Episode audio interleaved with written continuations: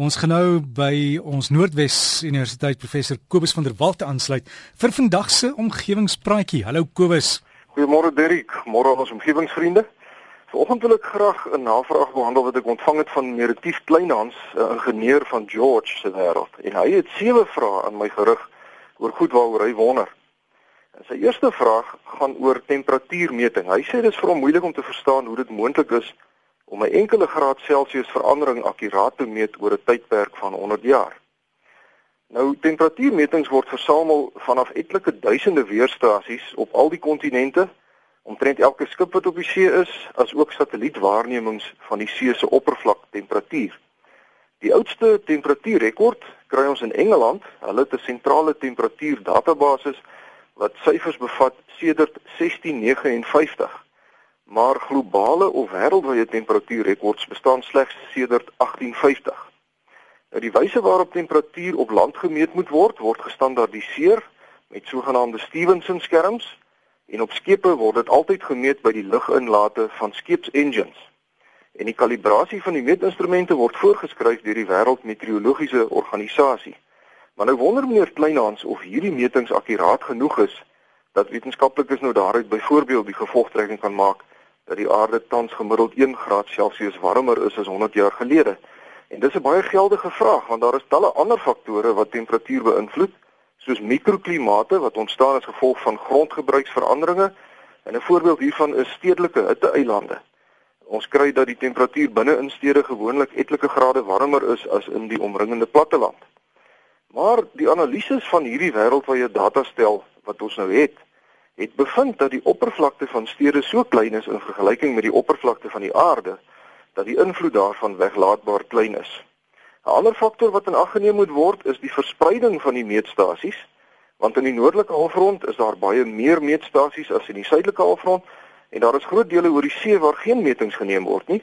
Maar selfs met hierdie verskille in ag genome, is die konsensus onder meteoroloë dat die akkuraatheid van die data sodanig is dat die huidige foutgrens kleiner is as 500stes van 'n graad Celsius. En selfs in die ouer dele van die datastel, hier in die 1800s, is die fout slegs 1500stes van 'n graad Celsius. So die inherente onsekerhede in die datastel ondermyn dus geensins die gevolgtrekking dat die aarde wel besig is om warmer te word. Nie trouens, hierdie gevolgtrekking word ondersteun deur 'n wye verskeidenheid ander wetenskaplike bewyse ook en dit berus nie net op die gemete temperatuur nie. Meneer Kleinhans se tweede vraag gaan oor die betroubaarheid van hidrologiese data, afloopdata van riviere en so aan. En hy sê dat uit sy 38 jaar ervaring as ingenieur, hy agtergekom het dat die toerusting en die mense wat die vloeimetings in riviere en damme moet neem, nie bo verdenking is nie. So hoe akkuraat is hierdie data? Meneer Kleinhans is hier ook heeltemal reg. Alle siviele ingenieurs en hidroloë sal weet dat hidrologiese metings altyd 'n mate van onsekerheid bevat. En daar's 'n hele klomp onsekerhede in die in die vakgebied. Byvoorbeeld presies wat beteken 'n herhalingsinterval van 1 in 100? Wat se ding is 'n 1 in 100 jaar vloed? Hoe akkuraat is 'n 1 in 50 vloedlyn wat gebaseer is op modelle wat ontwikkel is op grond van data wat die gebreke vertoon wat meneer Kleinhans beskryf? Ek dink die antwoord daarop is dat die huidige data die beste is wat ons het en ons werk daarmee as ons brûe, kanale of damme ontwerp en bou En gewoonlik werk ons modelle redelik goed. 'n Mens moet egter maar altyd in gedagte hou dat al ons waarnemings nie eers 'n oogwink in die bestaan van die aarde verteenwoordig nie en dat daar daarom in al ons hidrologiese berekeninge altyd 'n inherente mate van onsekerheid sal wees. Nou klein ons derde vraag gaan oor iets heeltemal anders. Dit gaan oor vulkane.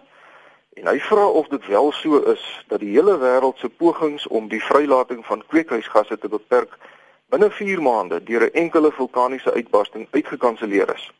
En die antwoord daarop is dat vulkane hoofsaaklik swaweldioksied vrylaat en nie koolstofdioksied nie. So daardie berig wat op die internet die ronde gedoen het is onwaar.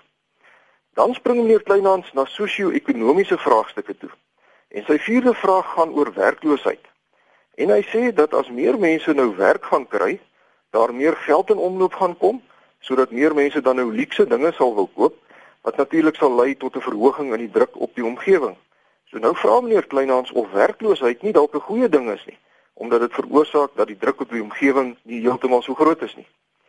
Nou ja, meneer Kleinhans, hieroor kan 'n mens lank praat En u is heeltemal reg in die stelling dat ryker mense se invloed op die omgewing heelwat hoër is. Dis trouens eksponensieel hoër as arme mense se invloed. Maar ek dink die antwoord op hierdie vraag is eerder te vind in 'n normatiewe benadering as in 'n natuurwetenskaplike benadering. Die eintlike vraag is of dit eties en moreel aanvaarbaar is dat 'n gedeelte van die mensdom werkloos is en nie weet waar môre se kos vandaan gaan kom nie terwyl 'n ander deel van die mensdom gerieflik lewe met 'n maandelikse maandelikse salaris 'n motor, 'n gerieflike huis, 'n mediese fonds en 'n pensioenfonds. Ek is van mening dat werkloosheid hoegenaamd nie geregverdig kan word nie. Trouwens, ek wil so ver gaan om te sê dat dit eintlik 'n skande is dat daar ten spyte van al ons wonderlike tegnologiese ontwikkelinge steeds kindertjies is wat vandag nie kos gaan kry nie en in toestande van armoede en wanhoop groot word. En ek dink dat enige mens wat nie daardeur aangeraak word nie, miskien 'n bietjie introspeksie moet hou en net weer 'n slag moet besef dat dit wat ons het genadegawes is. Ons kan en mag nooit vrede maak met werkloosheid en armoede nie, want ek dink as die skoen aan die ander voet was en dit was ek wat haweloos en armoedig was en nie geweet het waar ek vandag kos vir my kinders gaan kry nie, sou ek definitief nie tevrede gewees het daarmee nie. Net klein aan se volgende vraag hou verband met hierdie saak en hy vra of dit nie miskien goedkoper is om maar 'n maandelikse sosiale subsidie te betaal as om volhoubare werksgeleenthede te skep nie. Nou dis 'n interessante konsep want meneer Kleinans is heeltemal reg. 'n Volhoubare werksgeleentheid is nie om vir iemand te hark en 'n kruiwa in die hand te stop en hom dan elke dag die padreserwes te laat hark en skoonmaak vir 'n bietjie geld nie. 'n Volhoubare werk verg beplanning, grondstowwe, vervaardigingstoerusting, 'n mark, 'n verspreidingsnetwerk, 'n dienste sektor en nog baie ander goed. So dis 'n komplekse saak om dit alles op 'n volhoubare manier tot stand te bring en ook te bestuur sodat jou fabrieke of dienste nie oor 'n paar jaar dalk bankrot speel nie. Nou plaas hierdie hele saak binne 'n uiters mededingende internasionale milieu, dan wil 'n mens begin saamstem met meneer Kleinans dat dit dalk makliker en goedkoper mag wees om eerder werkloosheid as 'n gegewe te aanvaar en dan bloot 'n maandelikse sosiale toelaag uit te betaal sodat werklose mense daarom op 'n manier aan die lewe kan bly. Die probleem daarmee, dink ek, is gesetel in elke mens se inherente luiheid wat treffend gedemonstreer is deur sosialistiese en kommunistiese bestelle in die wêreld wat gefaal het omdat individuele dryfkrag en motivering uit die prentjie verwyder is. Die gevaar is dat al hoe meer mense sal sê die staat sorg mos vir my en dat die aantal mense wat die ekonomie aan die gang moet hou en die geld moet genereer al hoe minder gaan word of bloot groener weivelde gaan soek omdat hulle al hoe meer van hulle geld moet afstaan om die werklose massa aan die lewe te hou. Natuurlik is nie alle werklose mense lui nie Maar ek weet van baie mense wat hulle lewens lui lekker onder 'n boom sal omsit as hy of sy weet dat iemand anders in elk geval vir hulle gaan sorg. So alhoewel, alhoewel subsidies dus goedkoper mag wees oor die kort termyn, dink ek nie dis 'n volhoubare oplossing nie. Net klein aan se sesde vraag gaan oor die aanwaskoers van mense in Sub-Sahara Afrika en ek het 'n klompie weke gelede daarna verwys en hy verwys spesifiek na Somalië waar elke vrou gemiddeld 8 kinders in die wêreld bring. En nou vra hy of dit regtig so 'n groot probleem is want baie babetjies sterf. So van die 8 wat gebore word, sal miskien 2 volwassenheid bereik. En die antwoord hierop is dat volgens UNICEF se data daar gemiddeld in Somalië 180 uit elke 1000 kinders onder 5 jaar oud sterf. En dit is ook verskriklik. 180 uit elke 1000 kindertjies sterf. Wat beteken dat as elke vrou 8 kinders kry, gemiddeld 6,56 van daardie kinders volwassenheid bereik. So die aanwaskoers is met die sterfte syfer in ag genome by verre te hoog om volhoubaar te wees en ek dink ook hier is eties morele aspekte ter sprake.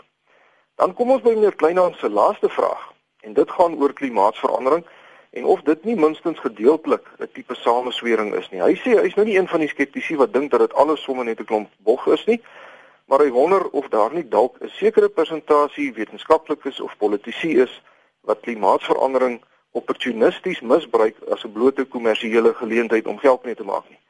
Nou ja, meneer Kleinhans, die hemel sal ons nooit op hierdie aarde vind nie en solank daar mense betrokke is by 'n saak, sal daar seker altyd 'n mate van opportunisme, oneerlikheid en eie belang teenwoordig wees. Hoe groot die probleem met betrekking tot klimaatsverandering is, sal ek nou nie kan sê nie, maar wat ek wel oortuig is van is dat klimaatsverandering nie iets is wat uit die duim gesuig word nie.